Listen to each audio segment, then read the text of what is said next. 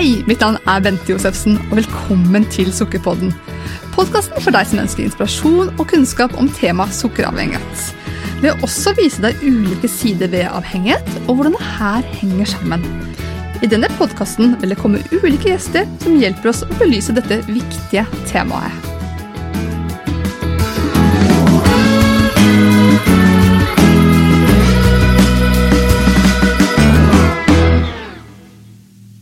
Med meg i dag så har jeg en fantastisk flott dame som heter Janni Eggedink.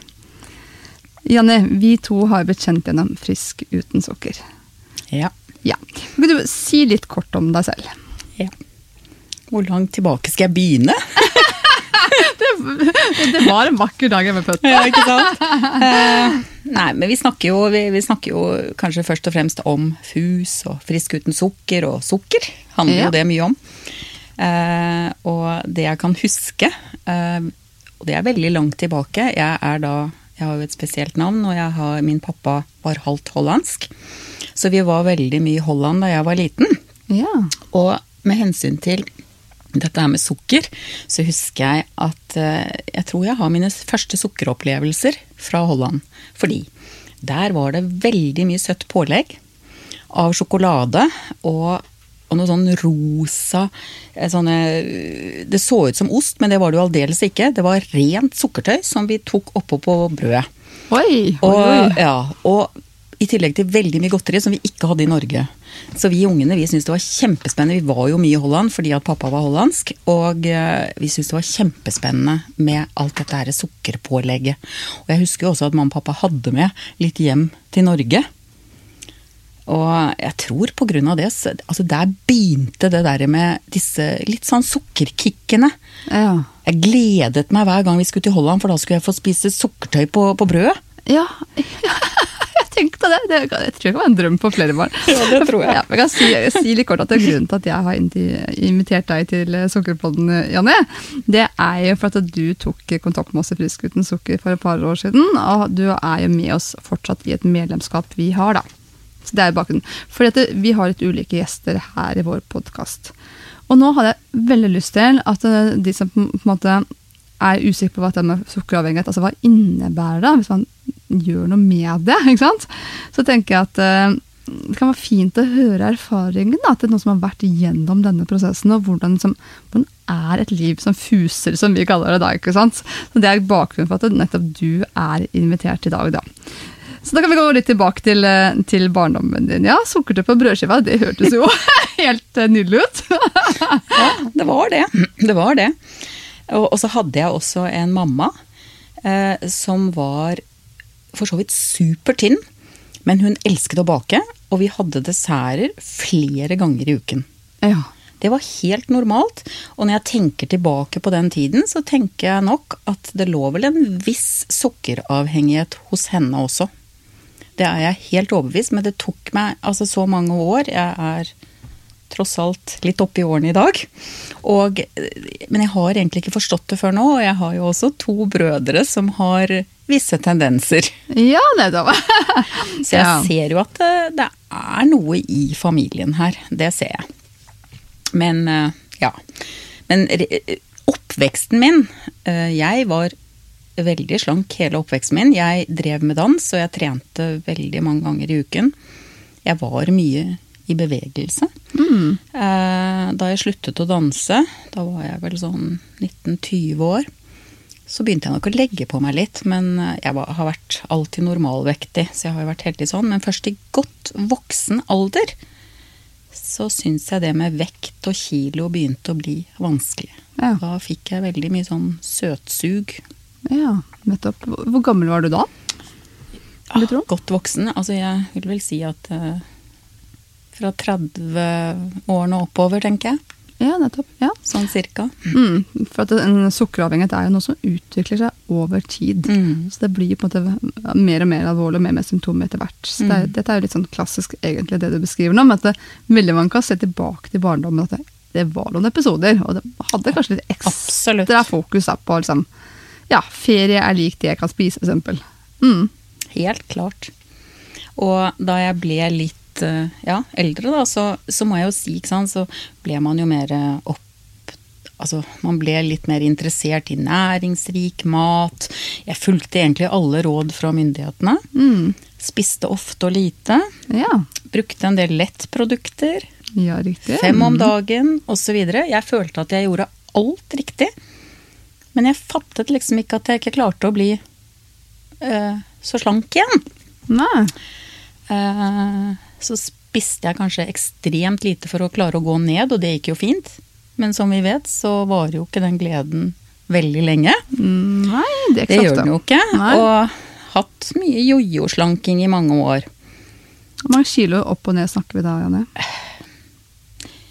Altså jeg snakker ikke om fryktelig mye, men at det er ti kilo opp og ned i hvert fall. Ja, ja. Det er det. I hvert fall. Ja. Sånn mitt mønster, egentlig, det. Mm, mm, opp og ned. Over veldig mange år. Og jeg har nok, når jeg tenker tilbake, så ser jeg vel at jeg også har spist en del på følelser, fordi at jeg har lært mye mer om det. Jeg har nok spist en del på følelser over lang tid, en viss tid av livet mitt. Mm. Helt sikkert. Og jeg merket jo at jeg kastet meg over sjokolade og godteri som sto på jobben, helst når ingen så det. Mm. Uh, var litt sånn ustoppelig. Uh, og den, den dårlige samvittigheten jeg fikk etterpå Jeg fikk alltid så dårlig samvittighet. Og den samvittigheten den syns jeg egentlig var veldig, veldig vond. Og den, den vil jeg ikke ha mer. Nei. Den vil jeg ikke ha mer. Og jeg vet at Jeg tror ikke de rundt meg tenkte at jeg var noe overvektig eller noe sånt, altså. Eh, men Nei. for meg jeg, jeg var liksom ikke fornøyd med meg selv. Nei, så tenker jeg at Hvis man liksom opplever da, at man ikke har helt kontroll på hva man spiser, da, at man bryter sine egne forsetter Mm. og synes jeg angrer og begynner å skamme seg, det er jo ikke noe godt mønster å være i uansett. Nei, det er ikke det. Men så tenker jeg også at eh, jeg har tross alt vært veldig heldig. Fordi at jeg har liksom aldri hatt noe vondter i kroppen. Jeg har ikke lidd av sykdom. Jeg har ikke hatt betennelser i kroppen. Som jeg vet veldig mange lider av. Eh, Jeg var nok mye mer utålmodig. Jeg var mindre tilfreds med meg selv. Men det som også var et problem som jeg hadde, det var søvnen min. Ja. Jeg vil nok si at etter at jeg fødte barn spesielt, altså det er jo lenge siden nå, det er nå 36 år siden, ja så, så merket jeg at jeg, jeg har sovet veldig lite. I lange, lange, lange perioder. Jeg kunne liksom sove halvannen time og gå på jobb. Det har Oi, skjedd oi, mange ganger. Men hva handlet, hva handlet det om, Janne? Det vet jeg egentlig ikke. Jeg fikk du ikke sove, eller kom deg ikke i seng, eller? Jeg kom meg i seng, men jeg våknet veldig mye i løpet av natten. Ja, nettopp. Veldig mye. Jeg sovnet vel også for så vidt, men eh, sov veldig urolig. Og jeg, jeg har jo prøvd å tenke veldig mye på hvorfor, men jeg er ikke helt sikker, rett og slett. Jeg bare vet at jeg hadde søvnproblemer. Ja. Men eh, det har du ikke i dag, eller? Nei. Nei, ok, det kan jeg komme tilbake til. Det kommer vi tilbake til. ja. Det kan vi komme Heng tilbake til. med, fortsatt som følger. Ja, ikke sant? Ja, ikke sant? Nei, for det var, det var liksom det eneste problemet sånn i tillegg til disse kiloene som man var veldig uh, utilfreds med, så var dette her med søvnproblemer, det, det var nok et problem for meg. Jeg prøvde veldig mye, jeg leste mye om det. Uh, legge meg til samme tidspunkt, stå opp på samme tidspunkt. Jeg var veldig obs på eh, metoder for å gjøre det bedre, men jeg syns aldri det ble noe bedre. Mm. Altså, jeg, jeg husker jo selv at uh, jeg følte at jeg var sånn det mennesket. Altså, da klokken ringte om morgenen, Mm. selv om jeg kanskje hadde lagt meg til ok tid og sovet et visst antall timer, jeg var ikke uthvilt. Altså, jeg følte jeg var i koma, og det var smertefullt. Jeg, jeg tror jeg slumra så klokka opp til 40 ganger, og min mann holdt på å bli gal. Og han bare, men hvorfor kan du ikke helt sette klokka på at du skal opp? Nei, men jeg må ha den tiden for å bare komme meg ut av den komaen jeg følte. Det var sånn smertefullt å stå opp. Det er ikke slik lenger. Ja, det er ikke godt. Og, og det er jo mange former for søvnproblemer. Men uh, vi vet jo at eh, det å ikke få nok søvn, det er ikke bra. Kanskje også spesielt for oss som er sukkeravhengige. Definitivt. Det er definitivt risiko. Og det er interessante, altså, jeg har skjønt på en annen måte nå også, at jeg husker spesielt da jeg studerte altså på høyskole, jeg var så trøtt på dagtid. Så jeg, satt, altså, jeg sovnet under forelesning, jeg sovna på bussen. Og jeg husker spesielt én tur vi skulle i sånn bedriftstur til Stabburet. og da hadde jeg først tatt toget og sovnet på det. Og så tok jeg buss videre og sovnet der. Og så kom vi frem til skolen, så skulle vi ta buss fra skolen og ut til Stabburet. Jeg sovnet på bussen, og så satt vi på sånn møterom der og klarte å sovne underveis i møtet. Altså, Da har du ikke hatt en god natts søvn, i hvert fall. ja, ja, men jeg var kronisk trøtt, liksom. Altså, Ja. Hvis jeg satte meg ned, så sovnet jeg, og det er ganske interessant. Jeg skjønte jo ikke da hva det handlet om, men i dag tenker jeg om det, for jeg har det ikke sånn lenger nå. Det er nettopp det. Og egentlig dette her med vi, vi har en veldig god bedriftslege. Og jeg, jeg kom til henne, en som virkelig ser deg og bryr seg. Så flott. Hun er helt fantastisk. Og jeg fortalte henne da litt om dette her med om søvnproblemene mine, og at jeg var veldig lite tilfreds med at jeg gikk veldig opp og ned i, med kiloene mine. Og hun Det var litt morsomt, for det første hun sier at ja, vet du hva, nå skal du kutte ut sukker en stund. Det har jeg gjort, Sånn. Jeg lever uten sukker. Jeg lever uten sukker og mel, jeg. Oi. Uh, og så tenkte jeg ja, det skal jeg prøve. Så jeg begynte egentlig med å kutte ut sukker. Uh, og også mel etter hvert. Uh, fordi at det, det visste jeg hadde hjulpet veldig på henne, og hun er på min alder omtrent. Ja, er, det, er det lenge siden det? Bare for å spørre om Det er uh, kanskje to og et halvt, tre år siden. To og et halvt år siden. Ja. Før jeg begynte hos deg, eller før jeg oppdaget Bente. Ja. Og i hvert fall så begynte jeg da så vidt, ikke sant, så begynte jeg å kutte ut sukker i alle former. Og etter å ha lest meg litt opp på nettet, så forsto jeg jo veldig mye bedre hva sukker og stivelse gjør eh, med kroppen vår. Eh, det finnes tross alt ganske mye dokumentasjon etter hvert eh, på hva sukker kan skape av betennelser, og, og det, gjør det, det gjør det mye mer troverdig for meg. Eh, Det er litt viktig for meg faktisk at det finnes litt dokumentasjon, for jeg jobber jo tross alt i legemiddelbransjen. og liker jo at det er litt dokumentert, da. Men det finnes mye her.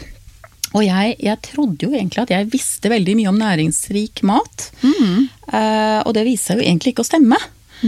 Eh, så i begynnelsen så måtte jeg sette meg litt inn i næringsinnhold, og, og, og særlig dette her hva, hva egentlig sukker er for noe. Ja. Og hvor mye vi egentlig eller hvor mye det egentlig finnes i matvarene som vi inntar hver dag. Og jeg husker jo du sa at eh, i 80% av matvarene i en matvarebutikk så er det sukker. ja. Eh, Jeg gikk også på et kurs før jeg begynte med Frisk uten sukker. Så gikk jeg også på et kurs med en psykolog som, har, eh, som jeg kjenner litt til. Men han har skrevet en bok som heter Å tenke seg slank. Ja. Og der lærte jeg litt om dette med å visualisere. Det å se for seg hvordan man vil se ut, men ikke bare hvordan man vil se ut, men hvordan man vil være som person ja. i fremtiden. Og at man skulle sette seg litt sånn delmål og mål etter det. Ja, nettopp. Mm. Og det å visualisere, det bruker jeg fremdeles ganske mye. Ja, flott. Men så Jeg måtte ikke så, nå er jeg spent. Ja, så nå er du spent! Nei, og så er man jo på nett og googler og finner jo mye. Ja. Og der eh, så jeg da Der dukket jo Bente Josefsen opp da, med Frisk uten sukker. Ja. Og der har jeg jo nå vært medlem i ca. to år. ja. Eh, og jeg må si at jeg slukte det du sa i kursmodulene. Jeg forsto ganske raskt at dette var akkurat det som skulle til for at jeg skulle bli mer fornøyd med meg selv. Ja, så flott. Eh, og jeg ble tross alt ganske raskt roligere, syns jeg. Ikke så utålmodig. Selv om utålmodighet det er altså fremdeles et av mine trekk. Det må jeg si. Det kan jo være en ressurs noen ganger. Ja, det kan nok være det også. Det tror jeg faktisk. Men det primære uh, som skjedde først, det var faktisk at jeg begynte å sove utrolig mye bedre. Så flott. Uh, I begynnelsen så hadde jeg en del vondt i hodet. Mm. Uh, som var veldig sånn nytt for meg, for at jeg hadde liksom ikke hatt noe særlig vondt i hodet i mitt liv. jeg. Nei. Og jeg var veldig mye trøtt. Eh, men det var jeg egentlig ganske godt forberedt på. Mm. Eh, og det gikk Jeg syns det gikk veldig fort over. Noen få uker, kanskje, eller noe sånt. Og så merket jeg også dette her. Altså, det er et uttrykk som jeg egentlig ikke liker. Det derre 'å, kiloene rant av meg'. Jeg syns egentlig det er et sånt litt sånn lettvint uttrykk som kanskje en del bruker. Men det skjedde faktisk, altså. Det, det, det høres veldig lettvint ut, men eh, det var jo motiverende i seg selv. Altså, kroppen din responderte tydeligvis godt. Veldig raskt, vil jeg si. Veldig raskt. Men jeg, jeg, jeg var jo veldig sånn Jeg startet fra dag én, og jeg tss, fulgte det. Jeg fulgte det veldig nøye. Det vil jeg si at det, det gjorde jeg. Eh, Jeg var, jeg var veldig opptatt av å lage nye vaner og skape nye nervebaner. Mm. For eksempel i begynnelsen av hver gang uh, jeg følte et sug, så sa jeg alltid til meg selv lag deg en god kopp te du, Janni. Og det gjorde jeg alltid, og det hjalp. Ja, så godt. Og vi vet jo det at uh, nå, nå har vi en del flere verktøy som vi kan bruke, som vi sikkert kan snakke om. Uh, men suget det går jo over når vi gjør noe annet. Mm, nettopp det. det. Altså, det varer jo ikke evig, og det er, det er viktig å vite. Men jeg syns det der med søtsuget og cravings, jeg syns det gikk veldig raskt over. Ja. Hvor raskt tenker du da? Jeg tror veldig få uker, Ja. vil jeg nok si. Par uker, tre uker. Veldig få uker. Altså, det er veldig mange som beskriver at at etter 14 dager så har man faktisk kommet seg over en kneik. Mm. Jeg må nok si at jeg merket det egentlig veldig godt. Ja. Og så snakket du veldig mye om dette her med eh, at man skulle bli roligere i hodet sitt. Det syns jeg var veldig rart. ja, det syns jeg faktisk var litt rart. Eh, og jeg husker du snakket mye om dette her å slippe å deale med seg selv om, om å innta ulike usunne karbohydrater osv. Mm. Men det skjedde jo det også. Det Ja. ble mye roligere i hodet mitt. Hadde jeg rett, ja. Du hadde rett! Herlig! Så eh, i hvert fall så, så vil jeg jo Jeg vil jo si at de som eh, starter på Frisk uten sukker, jeg tror det er veldig nøye, eller veldig viktig, at de følger kursmodulene ganske nøye. Mm. Gjerne repetere. Ja. Fordi at jeg tror vi er litt avhengig av det. Vi må ha repetisjoner. Eh, og jeg ser selv i dag, to år etter, så går jeg inn i noen av de eh, kursmodulene som, liggende, eller som ligger på nettet, som er langt tilbake. Jeg, det, er en, det er veldig mye der som fremdeles jeg syns er like interessant, og som jeg har godt av å høre. Så godt for jeg, i hvert fall min erfaring også, at når man ser ting om en, en ting er at man ikke klarer å huske alt, men, men man har gjort erfaringer veldig Mm. som at det gir ny mening, da, nye knagger å henge det på. Mm. Helt klart. Det går liksom noe nytt opp for deg hver gang man hører noe.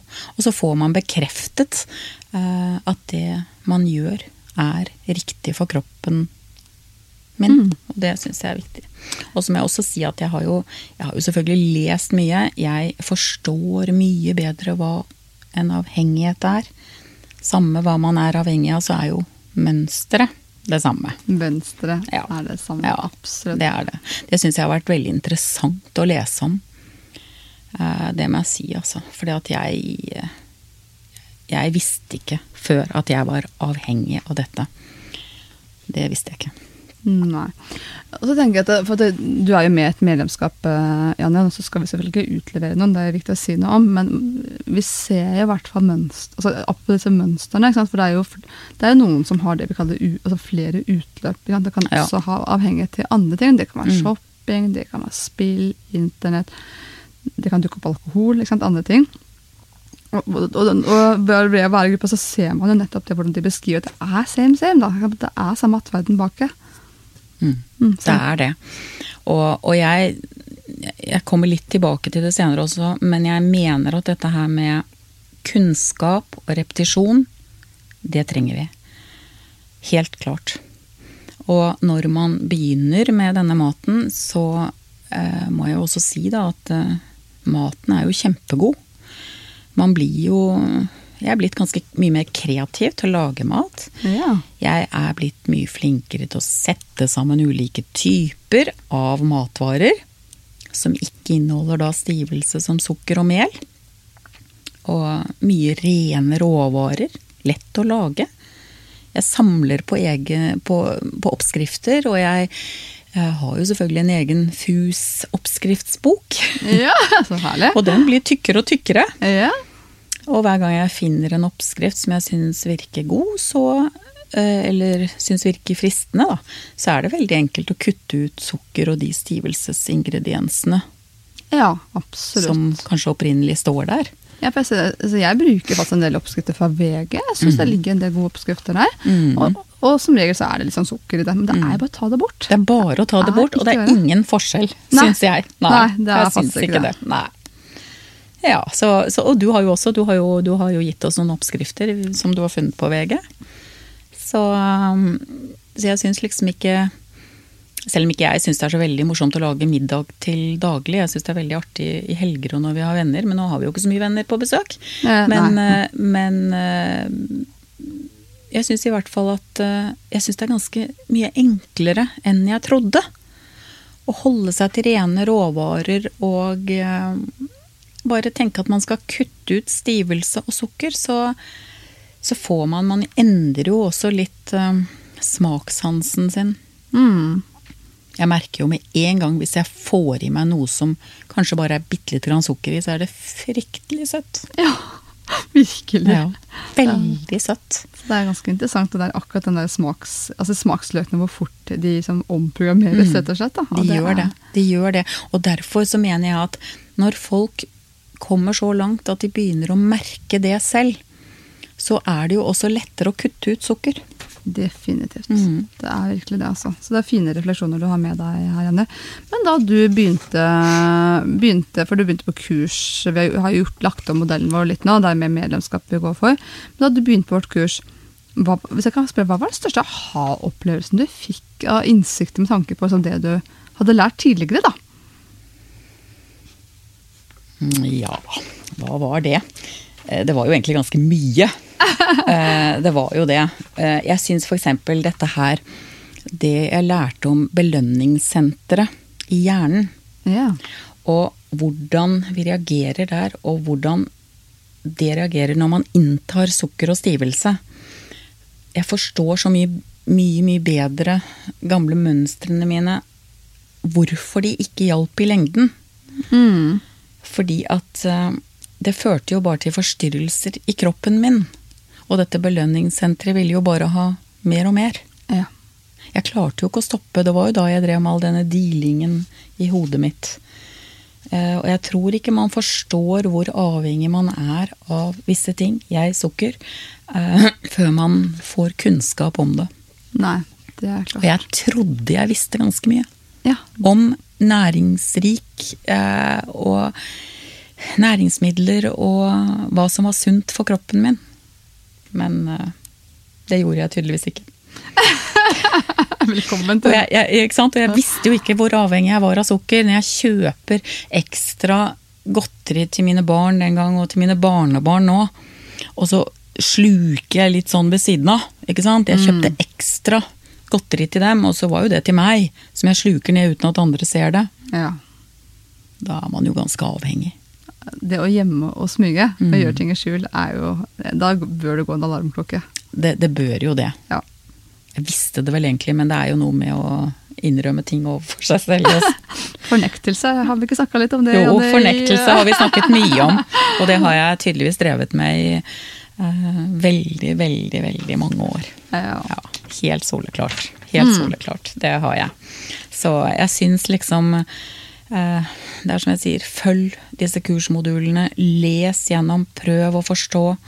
Google gjerne litt ekstra. Det er, eh, det er mye å lære der ute, og vi får eh, veldig mye igjen for det. Mm. Men grua du deg for, Kat, og kvia du deg for å gjøre denne forandringen?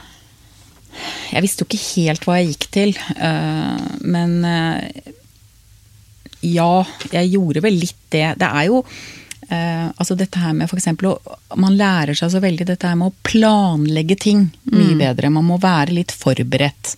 Rest, før restaurantbesøk, før ferier, når man skal hjem til andre, når man skal på besøk. Alt dette her. Det er klart at det å være på en pizza, eller italiensk pizza- og pastarestaurant i dag, det er ikke like enkelt som det det var før. Nei. Eh, men det går faktisk, det også. Mm. Det gjør det. Eh, når man er litt forberedt. Og det er klart at du må jo nødvendigvis gi litt informasjon til eh, nærmeste venner. Du må gi litt informasjon, for de må jo forstå hvorfor du ikke vil ha poteter eller ris eller sånn. Det, det må de forstå. Eh, og jeg bare velger litt mer grønnsaker eller Ja. Jeg, jeg velger bare rett og slett det jeg kan spise. Men da må jeg bare nesten spørre, for nå sitter vi i en podkast, og jeg antar jo at du har vært åpen mot uh, familie og venner at du faktisk har en sukkeravhengighet. Men altså, er det noe du har snakket med dem om? Ja. Eh, jeg begynte litt med klubben min. Eh, så begynte jeg jo å forklare litt. Mm. Og noen er veldig interessert. Ja. Andre vil vel ikke høre så veldig mye. Det, det er jo alle disse forskjellige eh, Ja, man møter mye forskjellige folk. Jeg, måtte, jeg følte at dette her må jeg snakke litt om, men jeg skal ikke overdrive. Og så er det noe med å føle seg litt frem hva folk vil vite og ikke vite. Absolutt. Og det er fremdeles altså folk som jeg for så vidt er mye sammen med, som vel ikke så mye nå i disse tider, men allikevel så er det nære venner som sier ja, men Janni, dette her kan du vel spise. Vi var på noe ost og kjeks hos noen, da har jeg alltid med meg noe greier selv. Men for eksempel da kommer hun har jo egentlig som vertinne forberedt seg, for hun hadde glutenfri kjeks. Ja, ja, den er ikke helt utypisk, nei. Nei, ikke sant? Mhm. Og da tenker jo hun ja, men det her kan du jo spise. Det kan jeg ikke. Ja, men hør her da, hva som er på, på næringsinnholdet. Ja, det var maisstivelse, og det var jo stivelse opp og ned, ikke sant? Ja. Og da måtte jeg forklare henne litt om det. Jeg har jo forklart litt før, men det er ikke så lett. Og så er det noe med at de, de, de mener jo at eh, Altså det er jo noe med dette her med å kose seg som får en litt annen betydning etter hvert. For det er klart at det de ikke skjønner, det er jo det at kan jeg ikke bare av og til eh, slappe av og kose meg med ja, et eller annet av dette her godteriet og det jeg ikke skal spise? For de sier jo at måthold er det beste. Og jeg er enig, helt enig. Måthold er det beste hvis man klarer det. Hvis det fungerer. Ja. Og da må jeg jo bare forklare, uten å, forkl- uten å snakke så veldig mye om det, for det er jeg ikke så glad i, merker jeg. Eh, Selv om jeg av og til gjør det. Eh, Det spørs litt på hvem jeg snakker med. Men jeg må jo forklare meg at jeg kan ikke klare vanlig måtehold, fordi at får jeg sukker i meg, så vil jeg ha mer. Ja. Og jeg blir trigget av det. Uh, Og én gang er nok. Ja. Det er klart at det har de litt problemer med å forstå. Mm. Men hvordan opplever, hvordan opplever du altså, å stå i det her, da, Janne? Altså, no, jeg vet at det, Noen er veldig trygge i det og bare er rett frem. Sånn er det. Mens andre syns det her er veldig ubehagelig å måtte forklare. I begynnelsen så syns jeg det var litt vanskelig, for jeg måtte det jo ved visse anledninger, på jobb osv. Men så er det jo det at det er jo veldig mange rundt oss som ikke, ikke skal ha gluten, og ikke skal ditt, og ikke skal ha melk, og ikke skal ha melkeprodukter, og ikke skal ha altså, Det er jo så mye, så jeg syns liksom ikke det er så vanskelig. Og så er det litt sånn som jeg sier at etter hvert så, så bryr jeg meg egentlig veldig lite om hva venner og bekjente sier. Jeg gjør det, og hvordan de reagerer. Jeg bryr meg ikke lenger. Det er noe som heter 'look to your own plate'. Ikke bry deg om hva jeg har på tallerkenen min. Mm. Dette er min tallerken. Ferdig med det. For det er litt interessant. for at det, Hvis jeg forestiller at vi kommer i et selskap, da, det er jo ingen som forventer at alle for skal være kledd likt. Men når det gjelder mat, da skal vi liksom gjøre det likt. Og det er jo kanskje enda viktigere det vi får på, på innsiden av kroppen enn det vi har på utsiden. Og det er jo klart at det er noen som reagerer når jeg sender potetfatet videre. Uh, men så har jeg venninner som lager blomkålris. Ja. Ikke sant? Når Ja. jeg kommer. Og jeg har også servert, når jeg har hatt klubb, nå har vi jo ikke så mye klubb for tiden fordi det er korona, men jeg lager jo veldig mye av squash, eksempel. Jeg lager Ja. veldig mye av det. Og det går liksom an å bruke andre ting, da. Og nå har det kommet masse i butikken, ikke bare blomkålris, nå har det jo kommet masse blandinger der med løk og, og masse forskjellig. De er kjempefine, ja, visst er det og veldig enkle. Ja. Eh, Så jeg, jeg, jeg har jo venninner som nå også servere meg det når jeg kommer. Ja, fantastisk. Og, og, men jeg lager jo jeg lager ikke noe problem av det. Send potetfatet videre. Jeg skal ikke ha det, men jeg skal ha litt grønnsaker istedenfor. Mm.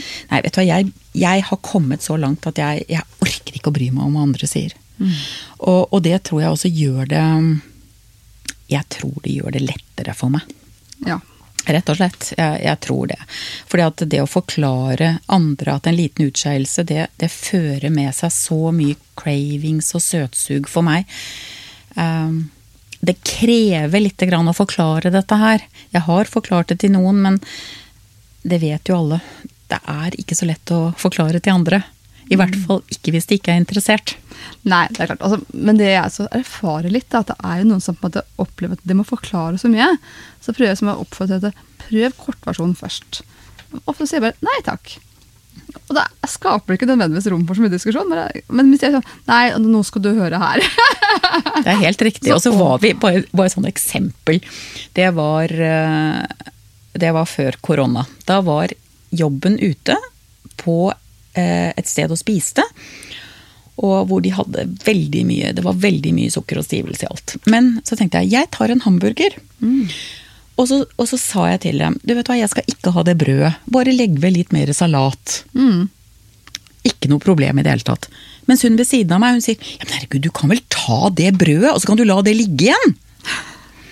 Og så sier jeg, Da syns jeg det er bedre at noen andre får det brødet, ja. enn at det går i søppelkassen. Ja. Jeg bare spør om salat. Det er jo ikke noe problem i det hele tatt. Det er virkelig. Og hun har tatt seg, hun har jeg snakket med en del senere om dette her, og hun har tatt seg veldig i det. Hvor ja. rett jeg egentlig hadde. Ja, så bra. Ja. Men det er jo sånn, for jeg også opplever altså når jeg er ute, da, sånn restaurant og sånn, så er det jo svært sjelden det er problematisk å sette ut hva. Jeg kan ikke du bare kan, kjøper burger, da, ta bort det brødet og pommes fritesen og helle litt ekstra grønnsaker og salat. Eller hvis det er, det er rett med ris, altså bort med ris, inn med grønnsaker. Det pleier å gå veldig veldig fint. Men så var jeg på én restaurant, eller veikro pleier jeg å kalle det her, for litt siden på begynnelsen av vinterferien. Og da skjønte jeg at her får de nok ikke så altfor ofte sånne bestillinger. For da skal jeg kjøpe meg en kyllingsalat. og da sa jeg til, For det sto kyllingsalat, det sto som ikke noen ting om hva den inneholdt. Så spurte jeg sånn, men hva inneholder den? Og den bare kassa så bare litt sånn rart på meg. bare sånn, Hvilken planet kommer du fra, liksom? Ja, nei, det er kyllingsalat, da. Ja, men hva er i den?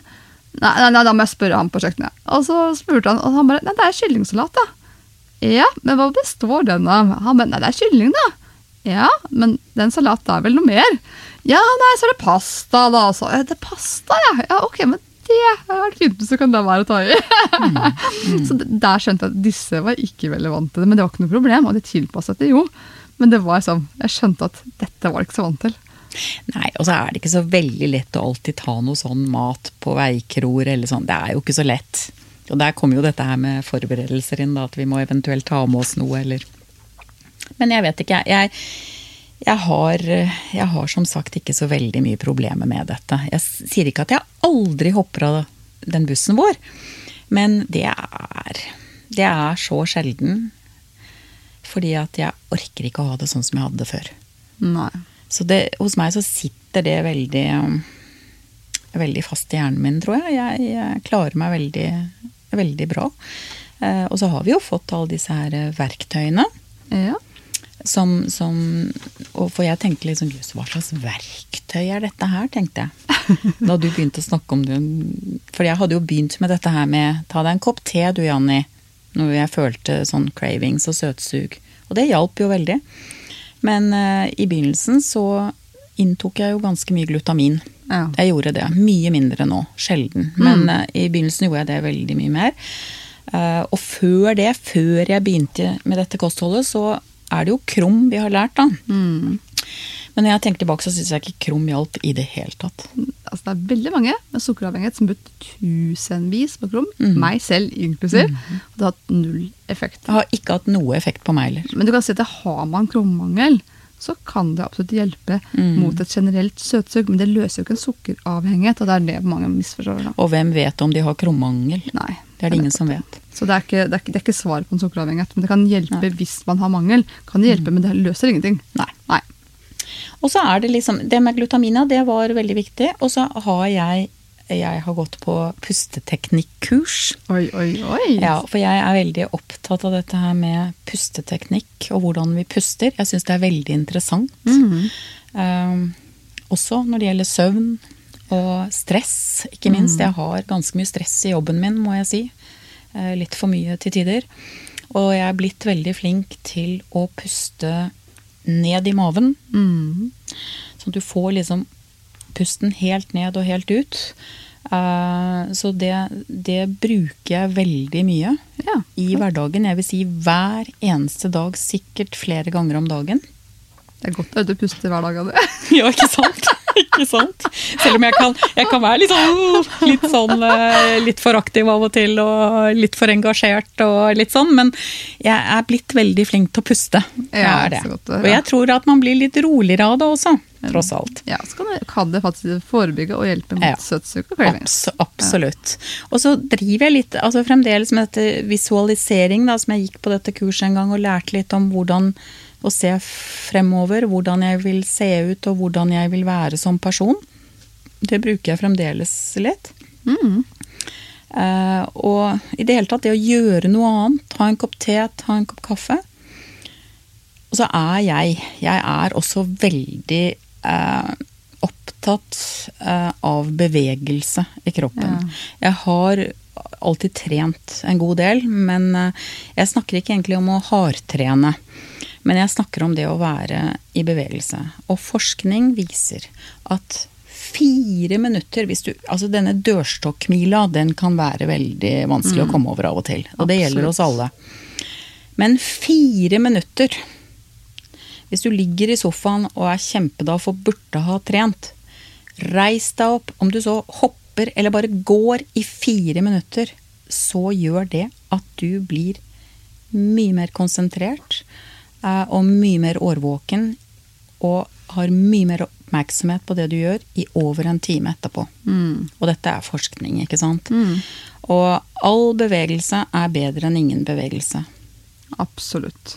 Eh, jeg driver litt med litt sånn eh, eh, Litt sånn gym på lørdager med gamle naboer i, innerst i en blindvei ute. Ja. Hvor jeg har litt uh, aktiviteter. Hvor du instruerer. Hvor jeg instruerer. Wow. Ja. Ja. Eh, Det har jeg. Og da er det litt sånn at jeg har lagt opp til at vi bruker alle musklene i kroppen. Det er ikke noe sånn veldig hardt, absolutt ikke. Det er egentlig en lavterskeltilbud. Ja. Også for de som har vondt i ryggen osv. Men jeg er litt opptatt av Og jeg sier også at hvis vi ikke ser Altså vi blir jo alle eldre. Ikke bare meg. Nei, nei, nei. Altså, Men alle blir eldre, og eh, hvis vi ikke setter av tid til å være i bevegelse og aktivitet nå, så må vi sette av tid til å være syk og ha dårlig helse senere i livet. det er helt ut. Og det gjelder jo egentlig kosthold også. Ja. Ja. Det gjelder veldig mye kosthold også. ja. Helse Ikke sant? Ja, Ja. Det har jo med helsen vår å gjøre. Mm. Så fine delinger du, du gjør, eh, Janne. Men du har jo også lest boken min, har du ikke? Eller? Jeg har ikke lest hele. Nei, Nei, det har jeg ikke. Jeg har ikke hatt helt tid til det, men jeg, jeg må si at jeg blar litt i den hver eneste dag. Oi, oi, oi. Og jeg, bruk, jeg har brukt eh, ikke alle oppskriftene, men ikke langt ifra. Ja, jeg har laget veldig mange og brukt veldig mange av de oppskriftene der. Ja, Ja, fantastisk. Kjempemye godt. Og eh, boken den inneholder veldig mye viktig informasjon som vi sukkeravhengige trenger. Vi trenger å få vite litt om belønningssenteret vårt i hjernen, hva som skjer når vi spiser sukker, om lykkehormon og dopamin, som utskilles og skaper en veldig sterk reaksjon i dette belønningssenteret, som gjør at vi har lyst på mer sukker. Eh, Det er veldig godt og enkelt forklart i din bok. Ja, takk, takk Anne. Og jeg tror at det er veldig viktig for oss som er sukkeravhengige, å vite litt mer om hvordan kroppen fungerer. Hvordan blodsukkeret blir påvirket, hva metabolske forstyrrelser i kroppen er. Hva det få, fører til av for høye insulinverdier, høyt blodtrykk, overvekt, eh, forhøyde kolesterolverdier osv. Det, det gir denne boken en veldig god innføring i. Og det gir også en veldig, boken gir også en veldig god innføring i hva karbohydrater egentlig er. Yeah. Og hva det består av. For jeg tror i hvert fall at de fleste tror det er bare sukker. Mm. Men det er jo liksom sukker, stivelse og fiber. Og det forklarer også hva som ligger innunder de forskjellige gruppene. Disse forskjellige kategoriene. Og det at insulin er et fettlagringshormon, det tror jeg veldig få vet. Ja, jeg tror du har det, rett Det, det Mm. vet ingen, nesten. Og at det fettet vi da eh, inntar, altså det blir ikke forbrent eller brukt når det stadig fylles på med karbohydrater i kroppen vår. Mm. Da forsvinner ikke det fettet, det blir lagret. Eh, jeg trodde jeg kjente til sånne ting, men det gjorde jeg. Nå har jeg jo lest en del de siste to årene. Eh, Jeg syns sånne ting er ganske interessant, og jeg tror at vi trenger denne kunnskapen. Og den kunnskapen du formidler i denne helt fantastiske boken, det er kunnskap som gjør det mye enklere å leve sunt. Å, takk, Jenny. Og hvis noen ikke har fått med seg hvilken bok vi snakker om, så er det boken som jeg har gitt ut på Gyllendal. Så det er 'Sukkeravhengig'. Bli frisk uten sukker. Som eh, jeg tenker er relevant eh, selvfølgelig om man har en sukkeravhengighet, men også om man har lyst til å lære mer om hva, hva gjør sukker med kroppen, kosthold generelt, og mentale verktøy, og bli inspirert på en måte til å ta vare på egen helse. da. Ja, og jeg tenker at når vi leser om det, så blir vi påminnet på dette her stadig vekk. Vi, altså jeg bruker jo, Dette her er jo Bentes bibel. Det er jo helt klart. Og det er som jeg sier, jeg leser litt grann hver kveld, jeg tror jeg, omtrent. Jeg, jeg gjør faktisk det. Eh, så jeg har ikke lest den fra A til Å, men jeg, jeg sitter og blar litt og sånn. Og, og jeg er bare så overbevist om at jo mer kunnskap vi sukkeravhengige får om dette her, om kroppen vår, hvordan ting fungerer, så er det mye enklere å leve sunt. Mm. Det, det er eh, Da er det mye lettere å leve uten sukker, fordi at vi forstår da hva det sukkeret gjør. Og det er jo veldig mange i denne gruppen som har mye betennelser i kroppen, og mye vondter. Uh, og jeg skulle ønske de kunne holde ut litt, for da vil de nok merke at mye vil forsvinne. Definitivt. Og det er liksom det, det, jeg tenker det kan være vanskelig å få innsikt og forståelse før man på en måte tester det her, hvor mye det her egentlig har påvirka livet. Vi har jo vært innom det søvn, det har vi tydeligvis hatt en fellesnevner på. Sant? Mange blir jo deprimerte. Eh, mange bruker sukker for å fylle på energi og skjønner ikke at det egentlig tapper for energi. Så det, det er så mye ting som kan påvirke. Jeg hadde jo stadig betennelser i kroppen. Jeg var jo evig jo- jojoslanke, og jeg er så takknemlig for at jeg forhåpentligvis har vært på min slank, siste slankekur. Og det er fem år siden sist snart. Og jeg bare, åh, jeg, for jeg var enten på vei opp, eller så var jeg på vei ned. Alltid. Mm. En eller annen kur, en eller annen diett eller kurs. Mm. Alltid. Ja, eh, sånn er det. Og jeg, det er jo veldig mange av oss som lever sånn. Men så har jeg en god venninne som jeg vokste opp med. Vi, jeg husker så godt at vi veide liksom akkurat det samme i hele oppveksten. Og hvorfor la hun aldri på seg mens jeg gjorde det? Mm. Det er jo mange grunner til det. Men eh, jeg var nok litt mer eh, sukkeravhengig enn henne, ja. Det er helt sikkert. Men det er jo synd at jeg skal gå gjennom et helt liv, og så forstår man det ikke før nå. Nei! Det, det, det syns jeg, jeg Jeg tror liksom at jeg har forstått, men det har jeg jo ikke. Fordi at jeg har ikke, jeg har ikke visst nok. Nei, og det er fint å si, for det er faktisk noen som beskriver til, eh, for oss da, at eh, de nesten opplever litt sorg når de forstår at de opplever at de har sånn liksom tapte år bak seg. For at hadde de hatt denne kunnskapen før, så kunne de hatt mange flere gode, gode år. da. Har du hatt noen sånn type reaksjon? Eh, ikke direkte, men jeg må jo si at For jeg syns jo at jeg stort sett har hatt et veldig, veldig bra liv. Eh, men det er helt klart at eh, en viss tid av livet mitt så har jeg spist på følelser. eh, Men forsto jo ikke det selv. Eh, Nei, jeg vet ikke helt. Jeg er litt usikker. Jeg, Ja, ja. er- jeg er rett og slett litt usikker. Ja. Men allikevel så er det klart at jeg skulle jo ønske at jeg visste veldig mye om det jeg vet nå, litt tidligere i livet. Det er helt klart. Da hadde jeg jo sluppet å gå opp og ned og opp og ned. Og spesielt syns jeg å ha denne dårlige samvittigheten. eh, Det gjorde meg ikke godt. Nei. Den dårlige samvittigheten. Og da mister man litt eh, man mister litt selvfølelse. Mm. Selv om jeg tror de rundt meg har aldri forstått det. Nei. Fordi at jeg er ikke en person som kanskje du ser på er Føler meg utenfor, eller, eller har lite selvfølelse, liksom. Men uh, inni meg så var jeg nok mer usikker enn jeg kanskje virket som. Fordi jeg ikke var helt tilfreds med meg selv. Nettopp det. Men så kom jeg på en annen ting som jeg synes er litt interessant. For det, det, er mange eksperter innen ernæring som sier at når man går ned i vekt, så vil kroppen alltid søke tilbake til den gamle vekten. At det er fysiologisk betinget. Mm. Og derfor er det nesten ingen som lykkes med slanke seg. Det er nesten best bedre å la være. Mm. Hva er din erfaring? Ja, altså det er jo Ja men med feil kosthold, ja. Ja, nettopp. Det er jo nettopp det. fordi jeg ser jo det at jeg har også gått veldig tilbake til den vekten jeg egentlig ikke likte så godt å ha.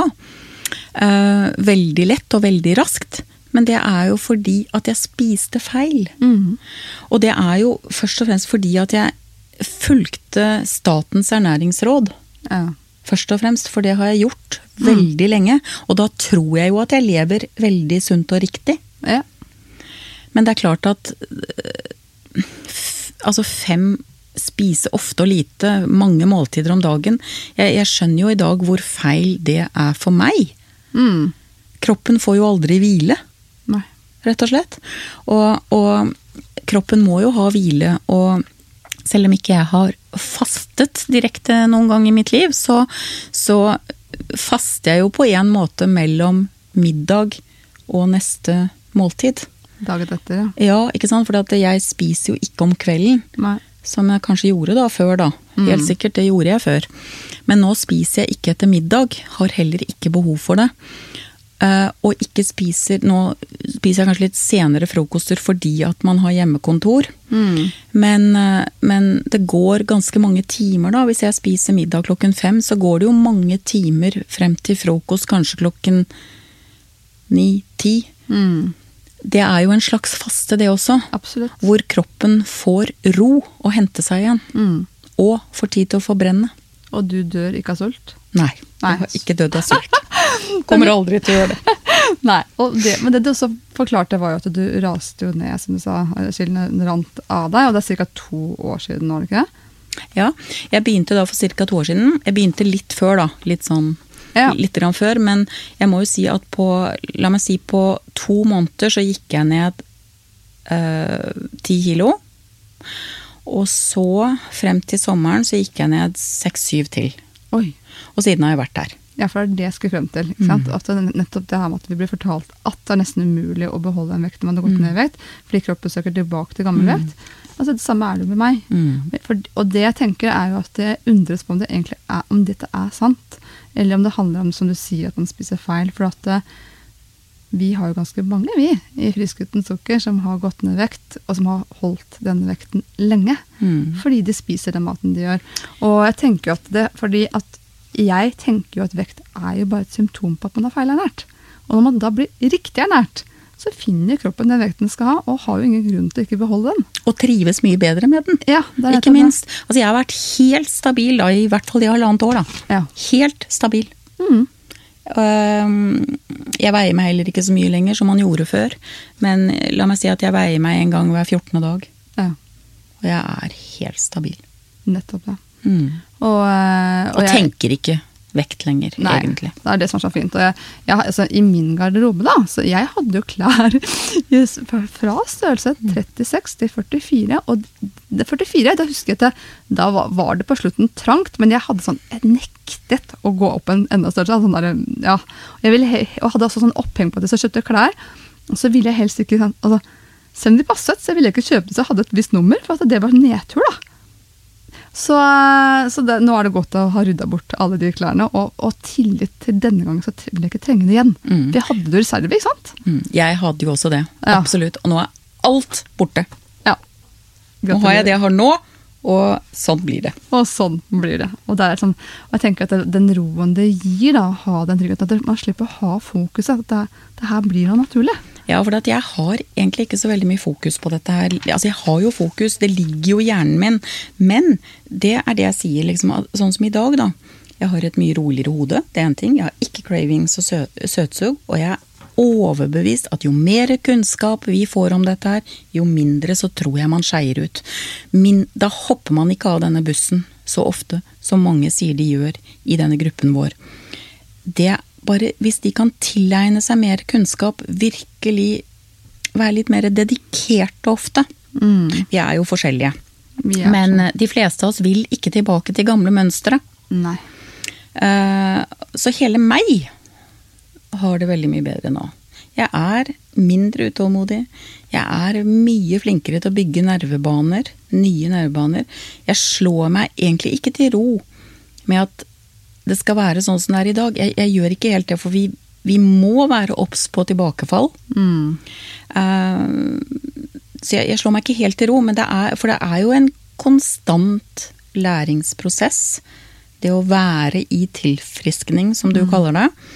Uh, og så spør jo en del venner ja, men du må jo forsake litt. Ja, jeg må forsake litt. Det må jeg.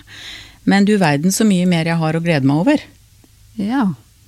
Fordi at eh, det, det, kan ikke, det kan ikke sammenlignes for meg. Eh, Jeg er i det hele tatt veldig mye mer takknemlig, og jeg har lært meg å eh, være bevisst takknemlig. Og tenke over hva jeg er takknemlig for. Altså, i perioder så, så sier jeg og min mann tre ting hver kveld før vi legger oss. Hva har vi vært takknemlige for i dag? Å, så deilig å høre det. Ja, vi gjør faktisk det. Har du lært det av noen kloke mennesker, eller? Et veldig klokt menneske. ja, jeg har det. Men jeg, jeg, jeg, jeg ser at det funker, for det skaper jo nye nervebaner. Ja, for, Fortell litt mer om det. Hva, hvilken forskjell gjør det å faktisk eh, være bevisst takknemlig? Jeg tror at holdningene dine til veldig mye blir mye mer Jeg tror holdningene stort sett blir veldig mye mer positive. Jeg tror man ser mer positivt på ting. Eh, Og så tror jeg vi forstår at det går an å endre seg. Det går an å forsake ting som du kanskje vil synes er veldig trist en viss tid. Jeg var også glad i pizza en gang. Ja. Og særlig den som datteren min laget. Kjempegod. Men jeg klarer meg veldig godt uten, for det fins så mye annet jeg kan gjøre. Og da er jeg veldig takknemlig for at jeg finner andre måter å leve på. Andre måter å spise på. Um, og, og jeg er veldig takknemlig for at jeg ikke er tilbake i gamle tankemønstre og handlingsmønstre. Mm. Som gjør at man ikke har det godt. Nettopp. Rett og slett. Så utrolig bra. Da skal vi begynne å gå litt mot en avrunding, eh, Janne. Men er det noe annet du har tenkt på i forkant som du ønsker å formidle før vi avslutter? Jeg har vel egentlig sagt det meste, men jeg tenker at eh, alle de som er i gruppen eh, og faller av denne bussen ofte, eller av og til, så tror jeg at de, de, må, de må i hvert fall ikke gi opp. Og de må tilegne seg kunnskap. Ta kurset på nytt igjen. Gå inn, les kursmodulene. Hør på den, den filen du har lagt eh, ut eh, mot cravings. Eh, den lydfilen. Kjempefin. Den hører jeg på veldig mye. Og så er det noe med å bruke de forskjellige verktøyene. Eh, Jeg husker i begynnelsen så syntes jeg det var veldig rart du snakket om verktøy. Hva slags verktøy er dette her? Men de funker så godt. Ja. Um, og, og bruk de, så er det noen som sier at det ikke funker. Jeg vet ikke hvorfor, eh, men i hvert fall så er jeg helt overbevist om at jo mer kunnskap vi tilegner oss, Mm. jo lettere er det å leve uten sukker og stivelse. Definitivt. Og så bare si det for de, de lytterne som måtte lure. Så, du snakker jo om de verktøyene og de lydfilene. Det er det vi har i medlemskapet vårt, som kalles, heter da Stayfus. Og hvis noen ønsker informasjon om det, så ligger det på vår hjemmeside friskutensukker.no. Og nå kommer vi også faktisk med en app til dette medlemskapet, som det som er medlemmer nå får tilgang til nå, faktisk. Nå, nå som nå. Så de som melder seg inn nå, har muligheten til Og i denne appen også så vil man få tilgang til alt kursmateriell, man vil få oppskrifter, og stadig drypp av nye oppskrifter der. Det er denne lydfilen som Janni uh, nevnte. Det er en håndbok, en e-bok. Det er jeg må tenke meg om, et diskusjonsforum har vi laget der. For vi ønsker å gjøre ting så enkelt som mulig, sånn at man har tilgjengelig. For de fleste går rundt og bærer på telefonen. Ja, ja, det er jo mye enklere enn å måtte sette seg ned på en PC og inn i, eh, inn i denne portalen ja. osv. Logge seg inn og ut. Mm. Så det å få alt samla på en app, og spesielt denne lydfilen som du nevnte, som man kan bruke i Søtsuge Cravings, tenker jeg, når man har det med ett tastetrykk på mobilen, og uten å måtte huske passord og logge inn, og man har den appen mm. Jeg er veldig spent på fortsettelsen. Jeg tror det kommer til å bli veldig fint verktøy. Og så tror jeg det at når vi først får den appen, så må man ikke utsette å begynne å bruke den. Sett i gang med en gang. Begynn å bruke den, så blir man avhengig. av appen. ja, av appen. Det er, det er, helt sikkert. Hvis du har lyst på mer inspirasjon, så kan jeg på det varmeste anbefale min bok 'Sukkeravhengig blir frisk uten sukker'. Boken får du overalt hvor man selger bøker, men jeg kan bl.a. anbefale ark.no. I denne boken så lærer du om hva sukker gjør med kroppen vår, og hvorfor i all verdens land rike har det kommet sukker i så mye som 80% av matvarene vi i dag får kjøpt på butikken. I tillegg så er det en del som handler generelt om avhengighet, hvordan all avhengighet henger sammen. Enten så kjenner vi noen, eller så kjenner vi oss litt trofødt selv. Så er det en egen del om sukkeravhengighet, og faktisk den første norske boken som beskriver det her på en god måte.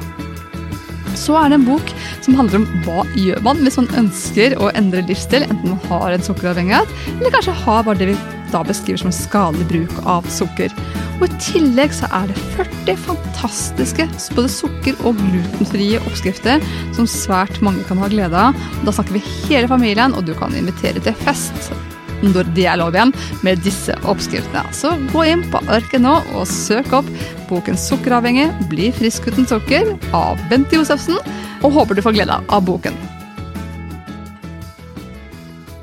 Tusen takk for at du kom hit til Sukkerpodden, Jonny. Det var så fint å høre på deg. Det var veldig hyggelig. Jeg håper jeg har bidratt eh, med litt til noen som kanskje strever litt der ute. Ja, så hyggelig. Altså. Kan jeg bare informere at Hvis det er slik at noen av dere kunne vært inspirert og testet et kosthold uten uh, sukker og stivelse for en periode, enten du har sukkeravhengighet eller bare lyst til å gjøre deg denne erfaringen, hva er det her kan innebære, så kommer vi i Frisk sukker til å kjøre i gang en suk digital sukkerdetox etter påske. Så i 14 dager så får du muligheten til å teste ut et kosthold uten sukker og stivelse, hvor vi guider deg gjennom prosessen og hvor det blir en egen Facebook-gruppe til deg. Så bare følg med fremover, så vil det komme mer informasjon. Takk for i dag.